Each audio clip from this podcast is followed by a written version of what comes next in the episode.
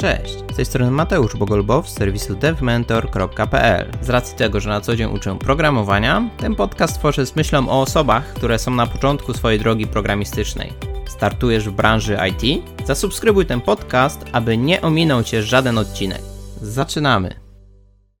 Dziś moim gościem jest Jakub Król. Jakub opowie nam o wymaganiach CEO względem junior dewelopera. Jakubie, dziękuję, że przyjąłeś moje zaproszenie na rozmowę.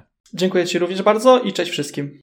Czy możesz się przedstawić i powiedzieć, co łączycie z branżą IT? A, no pewnie, że tak. Nazywam się Jakub Król, tak jak już powiedziałeś, e, i w zasadzie mógłbym powiedzieć, co mnie nie łączy z branżą IT, bo tak naprawdę z dwóch stron się troszeczkę tym tematem zajmuję. Z jednej strony szkole, uczę, też prowadzę różnego rodzaju zajęcia, warsztaty dla osób, które chcą na przykład właśnie zacząć zawód programisty, no, albo też dla profesjonalnych programistów. A z drugiej strony, oczywiście, i pewnie dzisiaj będziemy o tym głównie rozmawiali, jestem CEO właśnie Software House'u, czyli jak ktoś woli po polsku domu oprogramowania, w którym właśnie tworzymy sobie różnego rodzaju aplikacje webowe, mobilne i tak dalej. No dobrze, to powiedz nam, kim właściwie jest CEO? No tak można powiedzieć troszeczkę, że kierującym firmą. I tu mógłbym postawić kropkę. Natomiast e, oczywiście co złośliwsi mogliby tutaj powiedzieć, że nie ma czegoś takiego w Polsce jak CEO. E, I ja się oczywiście z tym jak najbardziej zgadzam. Nie ma takiego nazwy stanowiska. Zresztą taką mam w ogóle koszulkę, którą sobie dumnie noszę. Jestem CEO w jednoosobowej działalności gospodarczej. I generalnie w Polsce, jakbyśmy to mieli do czegoś porównać, no to byśmy powiedzieli, że to jest taka osoba prezesa, chociaż to nie jest jeden do jednego to samo.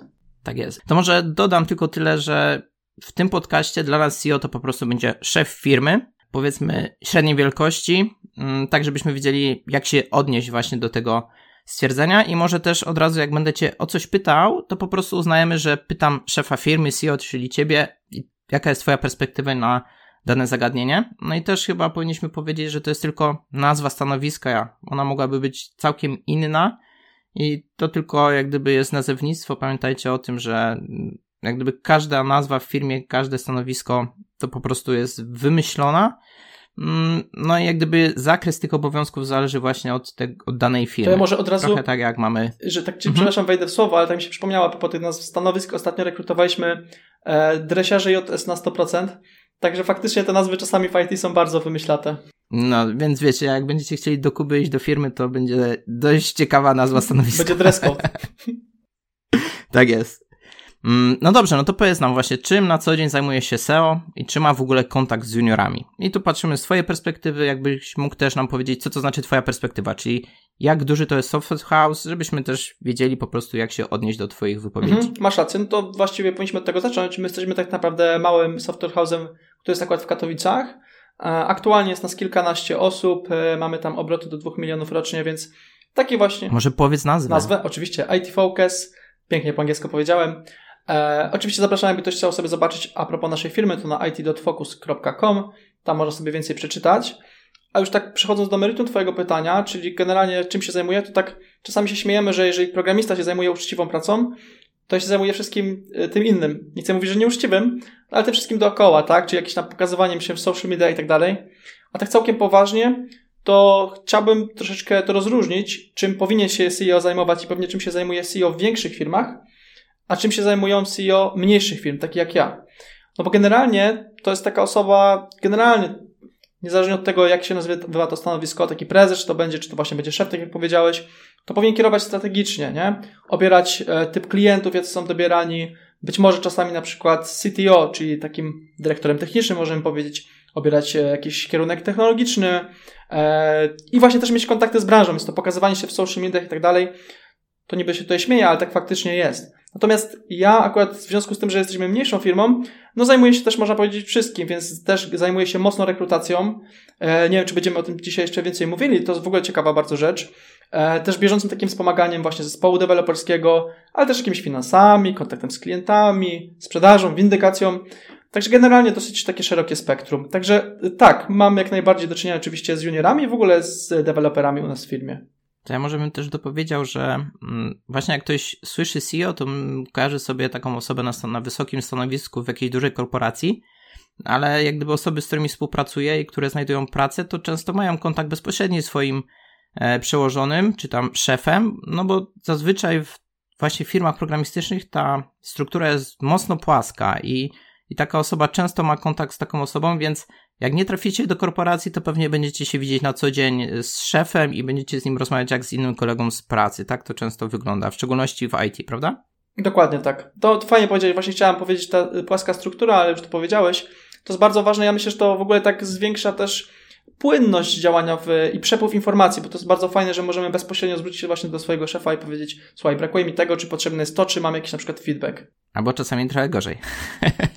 Albo czasami trochę gorzej, to zależy jaka sprawa. Tak jest. No to może powiedz nam, jaką formę przyjął w ogóle kontakty między szefem a juniorem? Czy to jest coś jak praktykant i pan dyrektor, czy bardziej jak menadżer i nowy pracownik? Mhm. No to też zależy właśnie od tego, w jakiej firmie. E, no akurat mnie znasz osobiście, więc też wiesz, że u nas jest po prostu luźna atmosfera. E, powiedziałbym coś w stylu troszeczkę koledzy z branży, z tym, że nie wiem, ja mam pewnie jakieś tam większe doświadczenie niż ta osoba nowa, która wchodzi, ale raczej staramy się tutaj traktować e, oczywiście na równi, nie? I zawsze najważniejsze tak naprawdę jest to, żeby taka osoba, która wchodzi do naszej firmy, szybko się odnalazła, żeby mogła się rozwijać, to jest bardzo, bardzo dla nas istotne, no i żeby mogła szybko zacząć tak naprawdę pracować nad takimi prawdziwymi, realnymi projektami. No i ten, ten może jeszcze rozwój tutaj chciałbym dodać, bo to jest taka rzecz dosyć istotna. E, u nas na przykład to jest bardzo ważne, dlatego że mocno wierzymy, że deweloperzy JavaScriptu, u nas głównie pracujemy w JavaScriptie, e, powinni iść zawsze w kierunku full stacka, że taki programista jest po prostu takim pełniejszym programistą na końcu. Mhm. Okej, okay, ale to może tak bym dopytał odnośnie tego, co powiedziałeś, ale jak gdyby osoba, która zaczyna od frontendu, znajdzie miejsce u ciebie. To nie jest tak, że musi faktycznie znać wiesz, tematy backendowe, tylko może zacząć od frontendu, tak? E, ciężko byłoby przyjść do pracy na początek i być już full stackiem, nie? Tak jak mówię, dlatego ważna jest dla nas e, ta chęć rozwoju i to, żeby tą osobę szybko wdrożyć, bo do nas raczej nie przychodzą full stackowie, do nas raczej przychodzą albo frontendowie, albo backendowie, że tak powiem, i po prostu właśnie ich rozwój na początku jest w tej danej technologii, w tym danym dziedzinie, tak? Czyli na przykład, jeżeli mówimy tutaj o frontendzie, u nas akurat Reacta bardzo dużo używamy, to gdzieś tam uczymy się go w jego specjalizacji, dużo do niego wdrażamy jakichś tam hooków, TypeScriptu i tak dalej. I dopiero którymś tam etapem ścieżki kariery jest to, żeby ta osoba właśnie przychodziła powoli w kierunku full stacka. Mhm. No dobrze, Jakubie, to powiedz mi e, tak z twojej perspektywy, jakie umiejętności techniczne i miękkie są u, u juniora najważniejsze? W ogóle najważniejsze to bym zaczął od tego, że są miękkie, wbrew pozorom. E, więc od nich zacznę, e, a potem będzie lista taka bardzo dokładna technicznych. No, generalnie jak my patrzymy na kandydata, to my patrzymy, czy ta osoba chce się uczyć. Czy ma umiejętność wyszukiwania informacji, czy chce odpowiedzi w ogóle poszukiwać, czy chce się dzielić wiedzą, no i tutaj tak sobie też zanotowałem, jak się przygotowałem, takie słowo pokora, które dzisiaj w, w, czasach tych naszych obecnych jest, myślę, dosyć istotne. Czy taka osoba ma po prostu świadomość tego, że przed nią jest tak naprawdę jeszcze spora droga? To, może, to są rzeczy y, miękkie. To może bym mhm. właśnie dopytał tutaj o te rzeczy miękkie, bo wydaje mi się, że tu jest trochę ukłon w stronę, w stronę osób, które chcą się przebranżowić, czyli wcześniej miały inne doświadczenia, a teraz jak gdyby chcą wejść do branży IT, e, powiedzmy mają 30 lat, mają już jakieś inne doświadczenia, ale chcą wejść do branży IT. Wydaje mi się, że to są osoby, które właśnie mają tą pokorę, mają chęć uczenia się, no bo jak gdyby to jest ich cel i one mogą się właśnie dzięki temu wyróżnić na tle innych, na przykład studentów, którzy wymagają, a niekoniecznie dają. Nie, mam, taka jest moja perspektywa, jak ty na to patrzysz. Ja zatrudniam trochę studentów, więc nie pozwoli, że nie odpowiem na to pytanie, natomiast faktem jest, że, że tak, ale wiesz co, ja w ogóle mam takie wrażenie, abstrahując jeszcze, ciągnąć ten temat, który powiedziałeś. Nie powiedziałem, że wszyscy, żeby było. Żeby nie było, dokładnie. E, fajny temat, o którym powiedziałeś. Ja uważam, że IT to jest miejsce, gdzie znajdzie się miejsce e, też dla e, każdej osoby i różnych typów osobowości bo te osoby na przykład, y, które są takimi nerdami od, wiesz, od zarania dziejów, od samego początku, oczywiście, że znajdą, bo mogą być mocni technicznie. Jak ktoś ma bagaż doświadczeń zupełnie z innej pracy, to to jest dla mnie w ogóle mega fajne, bo jest w stanie połączyć programowania, przed którego się uczy, tak jak powiedziałeś, nie? W wieku 30 czy nawet 40 lat i tak dalej, z innymi rzeczami, które wcześniej ta osoba robiła. Innym w ogóle przykładem działki nieprogramistycznej dla mnie jest zawsze, jak ktoś jest marudą i wszyscy mówią, ty zawsze szukasz dziury w całym, nie? Niby minus, a potem się okazuje, że ta osoba zostaje na przykład testerem, nie? I te, takie osoby są super testerami. Umiesz malować, nie? Jesteś, nie wiem, duszą artystyczną, super, jest design, jest UX. Generalnie w tym IT wydaje mi się, że jest miejsce dla po prostu różnych talentów. Okej, okay, no to mamy temat umiejętności miękkiej, to teraz czekamy na tą listę umiejętności technicznych. Dobrze, to, to, mam, to mamy listę y, wprost do naszych rekrutacji. Oczywiście e, u nas to, to też zależy od firmy. U nas akurat jest tak, że e, mocne, solidne podstawy są to zawsze HTML, CSS, JavaScriptu. Dobrze, jeżeli taki kandydat, e, taka osoba, która chce przyjść na juniora, coś już robiła w TypeScriptie. No i teraz w zależności od tego oczywiście na jakie stanowisko, nie? Tak jak mówiliśmy. Jeżeli chodzi o frontend, no to tak jak powiedziałem, React. E, dobrze, jeżeli tam się pojawią jakieś nowe elementy typu hooki. A jeżeli chodzi o backend, to tam wymagamy minimalnie Node.jsa i ExpressJSa. A jak ktoś zna Nest.jsa, to też bardzo fajnie oczywiście. No i wiesz co, jeszcze tak bym powiedział, bo, bo mówiłem o tych miękkich i mówiliśmy też te, o tych technicznych, a też wydaje mi się po prostu na końcu chodzi o to, żeby być tak w porządku człowiekiem. Wiem, że to jest takie trochę rozmyte, nie? Łatwiej wiedzieć, co to jest HTML, CSS niż w porządku człowiekiem. Natomiast no, w IT zawsze na końcu najważniejszy jest ten zespół, nie? I o to, żeby się po prostu fajnie gdzieś tam dopasować. Więc generalnie to, dużo osób tak specjalistycznie powiedziało, że chodzi o dopasowanie do kultury organizacji. Ja bym powiedział po prostu o to, jeżeli ty się dobrze czujesz w zespole, a zespół się czuje dobrze z tobą, no to po prostu jest jakiś tam fajny fit. No to jest super. A tak teraz sobie to wyobrażam, to już wiem dlaczego. zawsze jak gdyby gdzieś tam jak zachodziłem do ciebie do firmy, czy właśnie byłem gdzieś w okolicy, to zawsze była ta pozytywna energia i to jest chyba to, o czym, co chciałeś przekazać, prawda? Chyba tak. No myślę, że właśnie taka pozytywna energia jest tylko wtedy, kiedy ludzie po prostu się wzajemnie lubią. Tak jest. No dobrze, to w takim razie kolejne pytanie. Czy szef bierze udział w rekrutacjach? Trochę wspomniałeś, że ty bierzesz. A jeśli tak, to na jakim etapie? Jak to u ciebie wygląda? Chętnie posłuchamy coś więcej, może chcesz nam zdradzić, jak w ogóle wygląda cały proces, żebyśmy się czegoś więcej dowiedzieli. Może właśnie dzięki temu podcastowi będziesz miał kolejnego nowego pracownika. Zapraszam bardzo serdecznie oczywiście, e, od tego zacznę. Tak, no tak jak powiedziałeś, no już, e, już o tym wspominaliśmy, że ja akurat biorę udział w rekrutacjach. W większych firmach tak nie jest, albo jest troszeczkę inaczej. W naszym przypadku jest tak, że ja uczestniczę w takim procesie rekrutacyjnym od samego początku do samego końca. I tutaj pewnie zaraz będziemy też o tym więcej rozmawiali i chętnie powiem, jak taki proces wygląda. Albo od razu powiem, a co będę. Generalnie u nas jest akurat tak, że na początku się e, w, oczywiście trzeba wysłać na CV, byłoby fajnie i wtedy wiemy, że jest jakiś tam kandydat, kandydatka, no i my tam wysyłamy taką listę pytań. Ta lista pytań ma na dwa cele jakby. Oszczędzić czas kandydata, w sensie nie będziemy się teraz dzwaniać i e, wymieniać ilomaś mailami, tylko po prostu dowiemy się tego, co chcemy wiedzieć na Twój temat i z drugiej strony przedstawimy tam Ci informacje na temat tego, jak my pracujemy, jakie możemy też stawki zaoferować i tak dalej, więc też od razu kandydat może zobaczyć, czy to jest dla Ciebie ok, nie? Jeżeli to będzie ok, no to wtedy przechodzimy do takiego przedostatniego punktu, a mianowicie zadanie rekrutacyjne. To jest dla nas bardzo istotne, e, żeby każdy właśnie wykonał takie zadanie. Staramy się być elastyczni, mamy jakieś wymagania, ale jeżeli ktoś chce skorzystać z czegoś innego niż my na przykład obecnie używamy, albo wykazać się w inny sposób, albo potrzebuje innej ilości czasu, to jest ok. Tu już zobacz, sprawdzamy komunikację, nie? Bardzo ważne. Jak ktoś na przykład, często tak mamy, że jak ktoś mówi, nie zdążę, bo mamy, dajemy trzy dni standardowo, nie? Nie zdążę, bo gdzieś tam wyjeżdża na przykład. Czy mogę więcej czasu? Okej, okay, fajnie, że od razu na początku nam to e, tutaj o tym mówisz, nie? I jeżeli takie zadanie jest fajnie zrobione, to jest ostatnia, e, ostatni element e, rekrutacji. Tym elementem ostatnim jest rozmowa ze mną właśnie i z naszym CTO, czy właśnie tym dyrektorem technicznym. Ta rozmowa raczej nie jest, to żeby wszystkich uspokoić, bo wszyscy zawsze jakoś tak widzę, drżą przed rozmowami rekrutacyjnymi. To nie my przepytujemy kandydata, to my dajemy się przepytywać kandydatowi, czyli opowiadamy, jaka jest atmosfera u nas, jak my pracujemy, w jakich technologiach, e, że w kapciach chodzimy, nie? Takie tego typu rzeczy.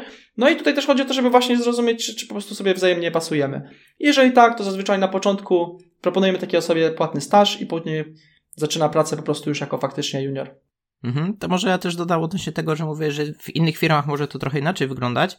To przynajmniej osoby, które ze mną współpracują i właśnie znajdują pracę, no to mówią, że zazwyczaj, a w zasadzie zawsze nie przypominam sobie takiej sytuacji, żeby tak nie było, że na ostatnim właśnie mm, etapie rekrutacji jest rozmowa z szefem. I to też niekoniecznie wygląda, że jest przypytywanie, tylko właśnie taka rozmowa, żeby się dowiedzieć czegoś więcej o sobie, jak wygląda właśnie praca, żeby zobaczyć, czy na tym etapie nam wszystko pasuje. Więc y, to niekoniecznie jest tylko, powiedziałbym, u ciebie, tylko w dużej ilości firm, przynajmniej często tak się zdarza za granicą. Mhm. Ja się z tą zgodzę, natomiast jak, jak wiesz, ktoś idzie na rozmowę do korpo, to tam z szefem nie będzie rozmawiał na końcu, tam ewentualnie z szefem oddziału będzie rozmawiał na końcu, nie? Jasne, jasne. Mhm. Ale o dziwo, ja zauważyłem przynajmniej, że większość ludzi nie chce pracować w korpo. Ciekawe czemu. To jest temat na osobny podcast. O, tak zrobimy chyba. no dobrze, no to jakie umiejętności i wiedzę podczas rekrutacji sprawdzasz ty jako szef? Mhm. No, myślę, że z tych e, etapów, które przed chwilą tak dosyć szeroko omówiłem, e, może wyniknąć kilka tych rzeczy, które teraz powiem. No przede wszystkim łatwo tak naprawdę sprawdzić to, co jest dla nas najważniejsze, o tym, czym też wspominałem chyba dwa albo trzy pytania wcześniej, czy to zaangażowanie, takie otwartość, właśnie chęć nauki i to jest dla nas najważniejsze najistotniejsze.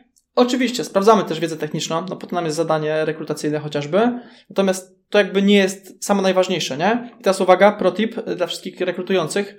Łatwo generalnie jest zadać programiście na dowolnym poziomie, nieważne jak dobry jest programista, pytanie, na które wiemy, że ta osoba nie zna odpowiedzi. W sensie jest po prostu tak szeroką dziedziną IT, że zawsze możemy trafić i zapytać, jak oprogramować sterownik do łodzi podwodnych, nie? No, no chyba, że akurat gość też to robił, nie? I teraz co my patrzymy? My wtedy patrzymy, jak taki e, kandydat się zachowuje i czy on się wtedy mota, nie? Czy nam tutaj będzie coś ściemniał?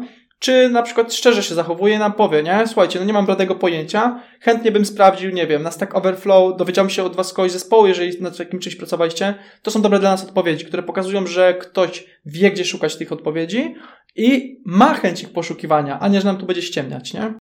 Jasne, a może by się odwrócił, wiesz, bokiem i wyciągnąłby telefon i by wyszukał od razu. Spoko. Dajcie mi 5 minut. Fajnie.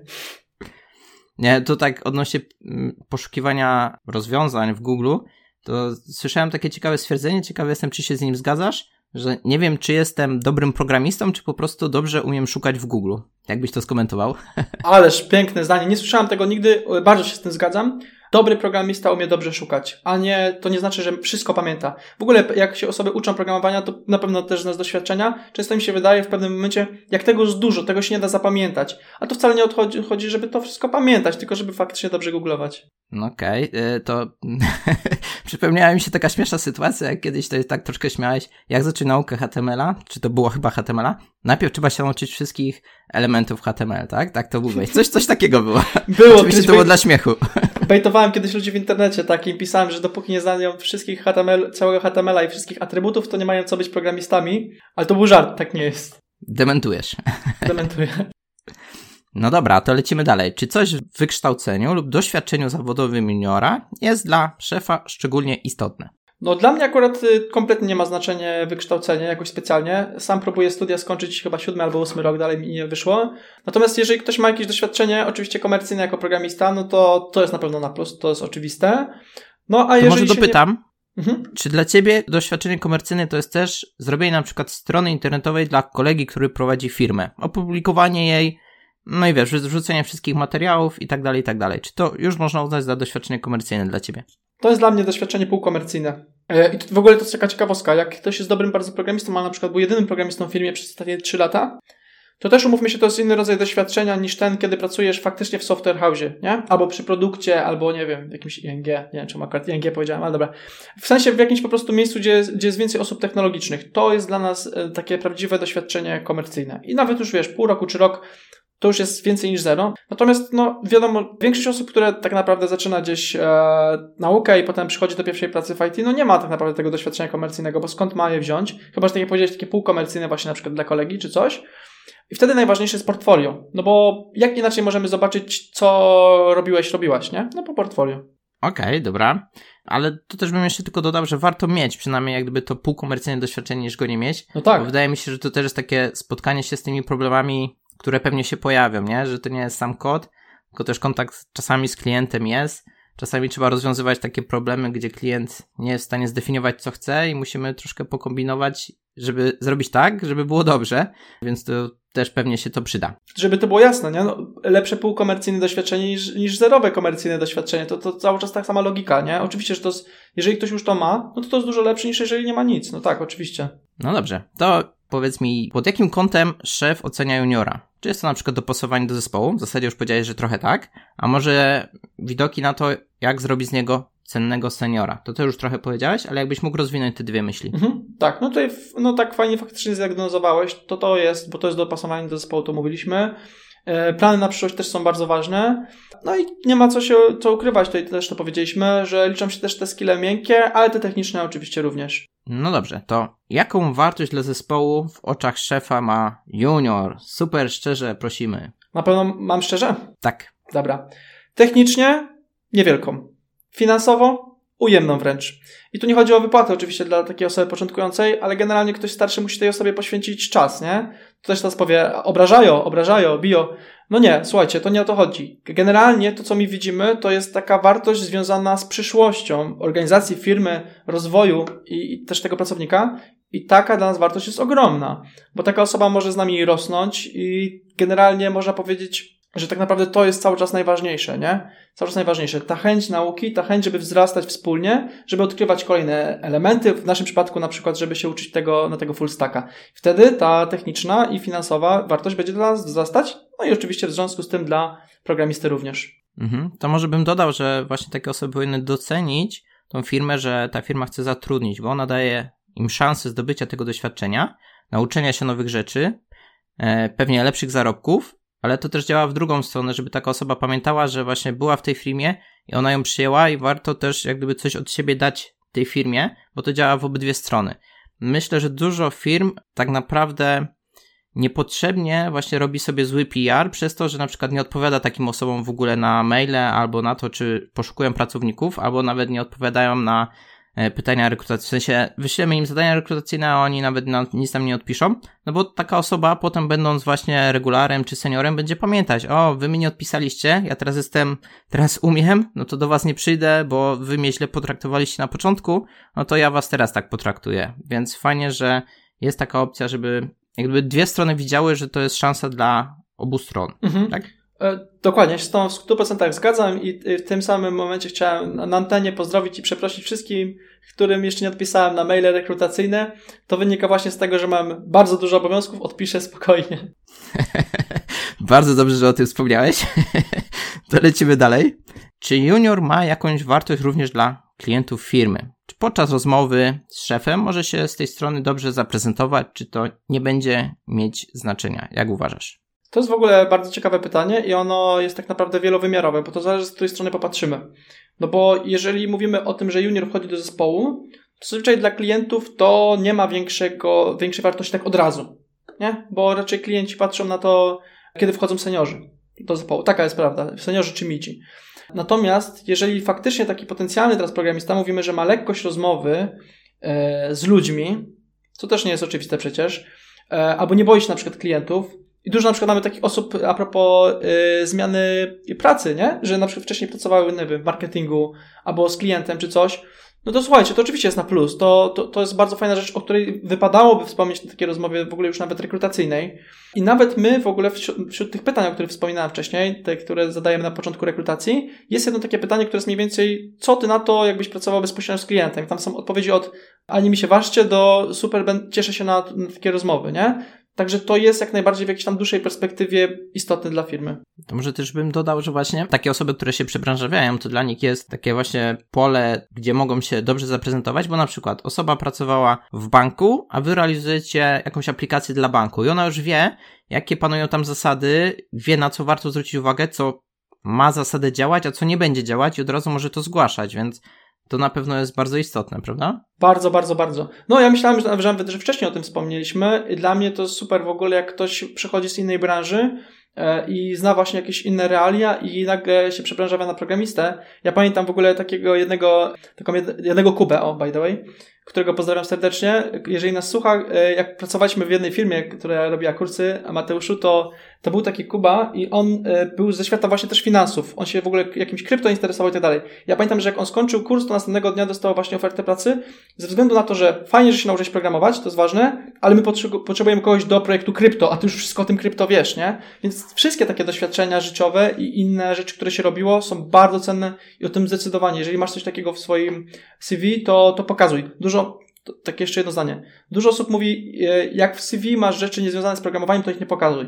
Nie zgadzam się. Pokazuj. To jest twoja siła. To się może przydać. I to może też właśnie będzie taki tip dla osób, które poszukują pracy, a mają inne doświadczenie, to może poszukiwać tej, tej pracy właśnie powiązanej z mhm. daną tematyką. Nie wiem, pracowałeś, nie wiem, w agencji reklamy, no to może idź tam, gdzie realizują soft właśnie dla takich agencji, no bo będziesz wiedział dużo więcej na temat tego, jak to wygląda. Mhm. Więc tu, tu warto jak gdyby w ten sposób do tego podejść, może to właśnie ułatwić znalezienie pracy, tak jak wspomniałeś. Tak, masz rację. No to w takim razie kolejne pytanie, myślę, że dość ważne. Jakiej samodzielności w pracy szef oczekuje od juniora?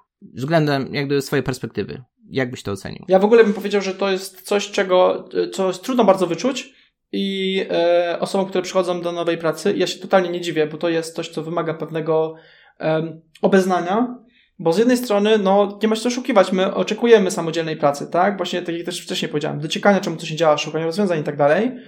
No ale z drugiej strony, ja też nie chcę, żeby się potem okazało, że ktoś siedział pół dnia i szukał odpowiedzi na pytanie, kiedy mógł przyjść do kogoś z zespołu, kto siedzi obok niego i powiedzieć, słuchaj, Przemek, dajmy na to. Nowy pracownik nasz dlatego. E, Przemek, dlaczego akurat tutaj mi nie działa? Przemek mówi, słuchaj, no wystarczy tutaj zmienić to i to, nie? Bo to przepalanie godzin, nie? A my płacimy za te godziny, jakby nie patrzeć. I wszyscy jesteśmy tutaj po to, żeby się wzajemnie wspierać. Więc e, tak sobie właśnie też myślałem na temat tego pytania e, w głowie i taka moja rada generalnie to jest, żeby szukać takiego, takich odpowiedzi, jeżeli coś mi na przykład nie działa, nie? Albo się, nie wiem, w coś wgryzłem i próbuję to zrobić od dłuższego czasu, żeby tak poświęcić maksymalnie jednej jedną czwartą, 25% czasu, jakiś ma na dane zadanie, nie? Czyli wiemy, że mam na to powiedzmy, nie wiem, 4 godziny, siedzę już w tym 40 minut, to jeszcze szu- mogę szukać tej odpowiedzi, ale jak już powyżej godziny, to generalnie, i w ogóle jeżeli tak, takie poszukiwanie trwa więcej niż godzinę, też bym powiedział to samo, to już jest moment, że stop, basta, okej. Okay. Zrób sobie przerwę, herbatkę, wyjść sobie, nie? Czy tam na papierosa to akurat niezdrowe, nie polecam. I pójdź do kogoś zespołu i po prostu zapytaj, nie? Od tego jesteśmy. Wszyscy, aha, no i tak, właśnie, jedna bardzo ważna rzecz. Nie bójmy się pytać. Nie bójmy się pytać. Wszyscy kiedyś zaczynaliśmy i nawet nie ma głupich błędów czy, czy, czy czegoś takiego, nie? Ja programuję od ponad 15 lat. I robię tak czasami głupie błędy, że aż, aż mi wstyd popatrzeć się na siebie w lustro i nie ma się po, po prostu bać. Warto zapytać kogoś innego, ktoś może mieć świeże spojrzenie, ktoś może na to patrzeć z innej perspektywy i nam po prostu pomóc. No jasne, jak gdyby to chyba na każdym etapie jest problem, żeby zadawać pytania, ale trzeba się przemóc i to jest bardzo istotne i to jest chyba kolejny właśnie taki element y, na tej liście umiejętności miękkich, nie? który jest bardzo istotny, a o którym wszyscy zapominają. Raczej uznają to za minus, a to jest raczej plus, żeby zapytać, ale też zrobić swoje, czyli najpierw poszukać i samemu spróbować, żeby cały czas nie pytać. Ja bym jeszcze może dopytał o jedną rzecz, bo wspomniałeś o tych godzinach. Jak junior ma wiedzieć, ile ma czasu na dane zadanie? Mógłbyś powiedzieć, w, jak, w jaki sposób on mógłby to ocenić? Czy wiesz, e, tak trochę właśnie powiedzieć, jak wygląda przydzielanie zadań? Myślę, że to będzie też ciekawe. Ja myślę, że co firma to obyczaj. Ja uważam, że u nas akurat y, jedna z rzeczy, które robimy dobrze, to, to jest akurat to, bo generalnie jak to powinno wyglądać modelowo, nie? Siadasz z kimś, kto ci to zadanie daje i ta osoba cię pyta, dobra, słuchaj, e, masz do zrobienia po, polećmy jakimś prostym przykładem, tak? No bo powiedzmy wchodzi junior świeżuteńko, nie? I teraz tak, musimy zmienić tutaj nieco layout tej strony, musimy zmienić te kolory, jakie są, te przyciski gdzieś poprzesuwać, dodać przycisk wylogowania, bo nam go tutaj brakuje, nie? Masz teraz 30-40 minut, żeby zastanowić się, ile ci to zajmie czasu. I teraz, oczywiście, podasz złą, złe dane, bo nikt nie umie estymować, ja też nie umiem estymować, a tym bardziej jak zaczynasz pracę jako programista, to nie umiesz estymować, ale nieważne, estymujesz, nie? I mówisz, no nie wiem, tak mi się wydaje proste to, nie? Półtorej godzinki mi to zajmie. No i ta osoba ci powie na przykład, słuchaj, to jest jeszcze prostsze, zajmie ci godzinę. Albo słuchaj, nie doceniłeś, yy, albo przeceniłeś na przykład swoje możliwości, albo to, jak dobrze działa nasz system aktualnie, to ci zajmie dwie godziny, nie? Albo mówi, okej, okay, spoko, no półtorej godziny, to spróbuj zrobić to półtorej godziny. I w tym momencie wiesz, bo sam zdecydowałeś, skonsultowałeś to z kimś, ile powinno ci to zająć. Jasne, super. I właśnie o to mi chodziło. I też nie, nie bójmy się, nie? Jeżeli powiemy za mało czy za dużo, to trzeba po prostu wziąć to pod uwagę następnym razem. Następnym razem będzie, będziemy pewnie potrafili troszkę lepiej powiedzieć, ile czasu nam to zajmie, no ale no tak to wygląda. No nie, nie jesteśmy w stanie powiedzieć, ile faktycznie to będzie. Czasami jest tak, że tu zaoszczędzimy, a, a tam po prostu trochę dłużej nam zejdzie, więc jest to normalne. A to też jest chyba taki element, która osoba która nowa osoba w pracy się trochę boi, nie? A ile powiedzieć? Jak powiem za dużo, to co? Jak za mało się nie wyrobię, no, wiesz. Tak, a tu zawsze ktoś. Wiesz, jest... Dla ciebie to nie jest problem, nie? Ale dla tej osoby, która tam siedzi, może się bać. Tak, no dlatego, dlatego tak jak powiedziałeś, nie warto się tego bać. W ogóle takim mega profesjonalnym podejściu, trochę już zahaczająco korporacyjne, więc to nie lubią, a drudzy nie, ale powinno być generalnie tak, że są pewne statystyki prowadzone i taki PM na przykład, czyli osoba, która prowadzi e, projekt, wie już dobrze na przykład, że ty zawsze mówisz dwa razy za dużo albo dwa razy za mało, nie? Bo już ma historię, przez ostatnie 6 miesięcy tak po prostu było historycznie, więc ty też nie musisz bać, że mówisz źle, on sobie to mówi, dobra, powiedział godzinę, czy mu to zajmie półtorej, albo powiedział godzinę, czy mu to zajmie pół. I wtedy tak naprawdę no, to ma być twoje odczucie, to ma być twoja najlepsza estymacja, ale jesteśmy ludźmi, nie znamy tych wszystkich czynników, które wpłyną na to, ile tak naprawdę nam to zajmie. Tak jest. No to właśnie teraz kolejne pytanie, które chyba jest trochę związane z tym tematem. Jaką postawę według szefa, czyli ciebie, junior powinien przyjąć? Mało dyskutować i robić, co mu każą, czy może aktywnie dzielić się swoim zdaniem? Nie no, absolutnie się cicho i, robić to, co mu każą. Oczywiście żartuję. Ale to pewnie zależy też gdzie, wiesz. U nas akurat y, w wielu firmach, y, też naszego formatu czy naszej wielkości i większych też, generalnie stawiamy na otwartość, nie? Także generalnie chodzi o to, żeby się aktywnie dzielić swoim zdaniem, swoim feedbackiem, swoimi potrzebami też. To jest bardzo ważne. Tak trochę się zastanawiam, mm, czy myślisz, że jeżeli jest trochę inaczej, w sensie, że nie, nie ma takiej otwartości, szef jak powie, to tak ma być, to to jest dobre miejsce dla juniora? To nigdy nie jest dobre i to nieważne, czy mówimy o pracy, czy mówimy o innym rodzaju relacji międzyludzkiej. Jak nie ma otwartego dialogu i komunikacji, to generalnie taka komunikacja jest skazana na, na porażkę po prostu.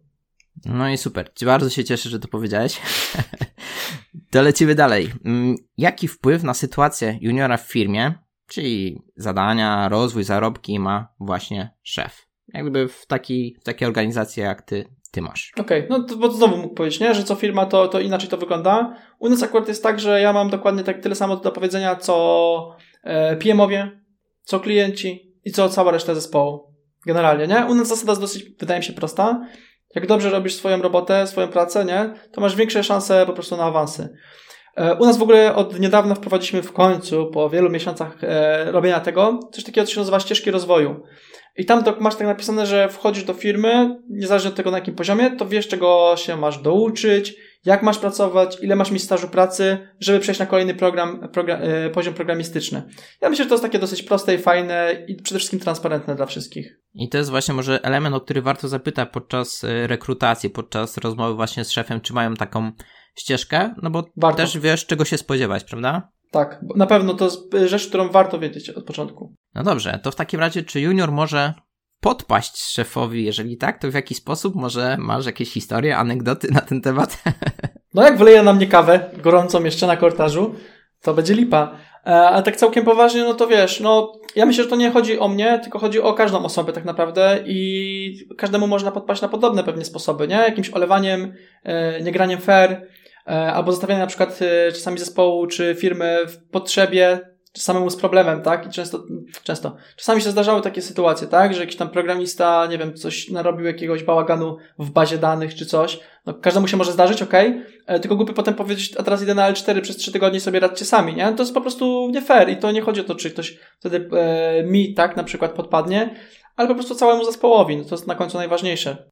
No zresztą sam wspomniałeś, że właśnie atmosfera jest bardzo ważna no ja tak sobie szczerze mówiąc nie wyobrażam, jak potem, wiesz, wrócić do tej firmy, nie? To znaczy, no wiesz, ta atmosfera byłaby naprawdę ciężka. To ani by nie byłoby przyjemne dla, dla tej osoby, ani pewnie dla zespołu. No to, to chyba taka, hmm, nie, ostatnie wyjście to po prostu rezygnacja z pracy, no bo co potem? Jak gdyby, raczej w IT nie, nie pracuje się na siłę, nie? Jeżeli się nie mhm. chce albo coś nie pasuje, no to po prostu idzie się dalej. Dokładnie. E, no dobrze to w drugą stronę. Pytaliśmy o to, czego szef oczekuje od juniora, a czy to działa też w drugą stronę? Czy junior może czegoś oczekiwać od CEO? O, panie, pewnie. I wymagają, wymagają. A zawsze się śmieję, że teraz y, od zeszłego tygodnia mamy y, większy pakiet, że tak powiem, jedzeniowy, bo oczywiście mamy owocowe środy, tam zamiennie z deserkowymi środami, z torto, tortowymi na słono e, środami też, e, a teraz właśnie w zeszłym tygodniu e, kupiliśmy blender z sokowirówką, także jeszcze są smoothie i sokowe piątki albo czwartki. A tak całkiem poważnie, no to wiesz, cały czas jakby mówimy o tej samej rzeczy, czyli o komunikacji, tak mi się wydaje, bo należy być otwartym i jasno też komunikować po prostu te swoje potrzeby. I to nie ma żadnego znaczenia, kto jest na jakim stanowisku, bo pytałeś, co chce szef od y, juniora, co chce junior od szefa, mógł powiedzieć, co chce tester od grafika, albo PM od analityka, nie? To nie ma znaczenia, jak, jakie sobie literki postawisz przy imieniu. Zawsze na końcu chodzi o to, żeby po prostu się dogadać i konkretnie mówić, o co mi chodzi. No właśnie, to jest jak gdyby też nie można oczekiwać, że coś się zmieni, jeżeli o tym nie powiemy, nie? Więc jeżeli my nie będziemy jasno komunikować, co chcemy albo co potrzebujemy, a co uważamy, że powinno się zmienić, no to nie łudźmy się, że tak się samo stanie, nie? Jak gdyby też tworzenie firmy czy tworzenie oprogramowania to też polega na tym, że mamy coś, wiemy, że coś nie poszło tak, albo że można coś zrobić lepiej, trzeba po prostu to wdrożyć. No ale żeby to wdrożyć, to najpierw trzeba ocenić e, stan faktyczny i jak to można zmienić. No a żeby o tym wiedzieć, to trzeba po prostu porozmawiać. W zasadzie to też wspomniałeś o tym, że u ciebie w firmie jest też tak, że masz osobę, która rozmawia z pracownikami i na tej podstawie też zmieniacie jak gdyby ten swój rozwój firmy, organizacji, więc to też jest super i może to też jest element, o który warto zapytać właśnie na rekrutacji, jak to u was wygląda, taka komunikacja, nie? Mhm. Potwierdzisz? No, jest, jest, tak, jest tak. No u nas generalnie dużo takich robimy rzeczy, bo robimy na przykład ankiety robiliśmy cotygodniowe, to też jak w firmie, w której razem pracowaliśmy, jak pamiętasz, robiliśmy różnego rodzaju tego typu y, akcji. No teraz mamy takie bardzo regularne spotkania, na przykład mamy taką osobę bardzo ważną u nas, Wiktorię Team Managerkę, która jest takim dobrym duchem zespołu i ona co miesiąc z każdym osobiście się też spotyka. E, ta osoba może nas, to też po to jest, żeby można było nas obgadywać jako zarząd, tak? W sensie e, mogą, powiedzieć co chcą, kawa na ławę, a potem ona nam też w sposób anonimowy, jeżeli ktoś sobie tego życzy, przekazuje na przykład co kogoś boli, nie? Bo jeżeli ktoś nie ma ochoty powiedzieć wprost, wolałbym, żeby ktoś powiedział wprost, oczywiście. Natomiast nie każdy, nie każdy chce, ok, szanuje to i my staramy się właśnie wprowadzać, tak jak, tak jak powiedziałeś, wiesz, te wszystkie owocowość, inne rzeczy różnego rodzaju, jakieś multisporty, jakieś wspólne integracje, jakieś imprezy i tak dalej, to wszystko zawsze wychodzi z zespołu, my staramy się wychodzić naprzeciw tym oczekiwaniom. No dobrze, no to Jakubie, tak już końcówka naszej, naszej, naszej rozmowy. Mm, jaką książkę w ogóle polecisz juniorowi, który chce mieć udaną współpracę właśnie z szefem. Czy jesteś w stanie coś nam tutaj polecić? Oczywiście, czas na reklamę. Zapraszam o wspaniałą e, książkę o JavaScriptie. Nie mogę powiedzieć tytułu, aktualnie nie jestem do tego autoryzowany, ale mogę powiedzieć tyle, że się pojawi na www.książki.it i to koniec autoreklamy. A tak całkiem na poważnie, to ja nie chcę za kogoś dokonywać wyboru. Wiem, że dużo na przykład osób powie, czytaj czysty kod, nie? Czysty kod jest Biblią programowania. E, to nie jest tak do końca. E, warto wiedzieć, że trzeba samemu myśleć też dużo i w programowaniu, i w życiu. Także ja bym powiedział, że każda książka zależy od tego, czego szukasz, nie? W jakiej technologii chcesz rozwijać, w jakim kierunku, bo są osoby na przykład, które są bardzo dobre technicznie, ale właśnie gdzieś tam mają braki w umiejętnościach miękkich E, I takie osoby bardzo często mają na przykład awersję do książek związanych z jakąś psychologią czy coś, nie? Bo się to kojarzy z coachingiem, którego nikt nie lubi. Natomiast ja uważam, że warto jednak być osobą tak gdzieś tam zbalansowaną i poszukiwać tych, tych odpowiedzi po prostu na to, jak zrobić coś lepiej w swoim życiu, niezależnie od tego, czy mówimy o umiejętnościach twardych czy miękkich. Mhm.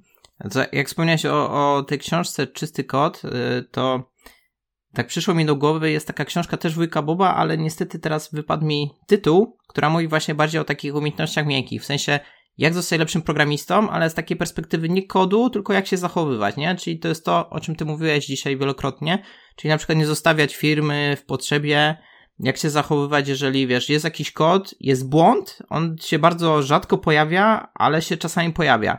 To warto go naprawić, niż, a dobra, nie przejmujemy się tym, jak się coś stanie, to dopiero będziemy wtedy szukać, nie? Więc dużo jest takich tematów, więc pewnie podlinkuję, sobie, podlinkuję ten, tą książkę, teraz nie pamiętam jego tytułu, więc nie mogę polecić, ale wrzucę ją, żeby można było sobie zajrzeć, może nawet ty sobie ją przejrzysz i, i może jej nie czytałeś i będzie warto. Wiesz co? E, mamy, patrz teraz, bo jak siedzę sobie u mnie teraz w biurze, to mam e, przed sobą biblioteczkę firmową i mamy chyba tę książkę, ona się chyba nazywa Lepszy Programista, czy coś takiego. bardzo możliwe. Nie wiem, czy to jest ta sama, ale tamta w każdym razie też na ten sam temat jest bardzo dobra. Więc polecamy. się upewnimy potem, czy to jest to samo. To na koniec, Jakubie, jak zwykle, jak gdyby rozmowa z Tobą bardzo e, pouczająca i bardzo dużo fajnych informacji, ale bardzo szybko leci. to już ostatnie pytanie, gdzie możemy Cię znaleźć w sieci? No, y, tak jak sobie żartowałem z tą autopromocją, to nie żartowałem, także zapraszam, jeżeli kogoś to ciekawi, to faktycznie zapraszam na ten www.książki.it, bo będzie ciekawie, będziemy się kłócili i to będzie taka ostra kłótnia książkowa, jaki JavaScript jest lepszy, ale jaki jest gorszy. Też zapraszam, jeżeli kogoś to interesuje, na mega.pl. Tam co kilka miesięcy robimy taki fajny program szkoleniowy długi. E, no i oczywiście, jeżeli ktoś akurat by się zainteresował moją osobą, w co wątpię, no ale można mnie znaleźć na LinkedInie i Facebooku.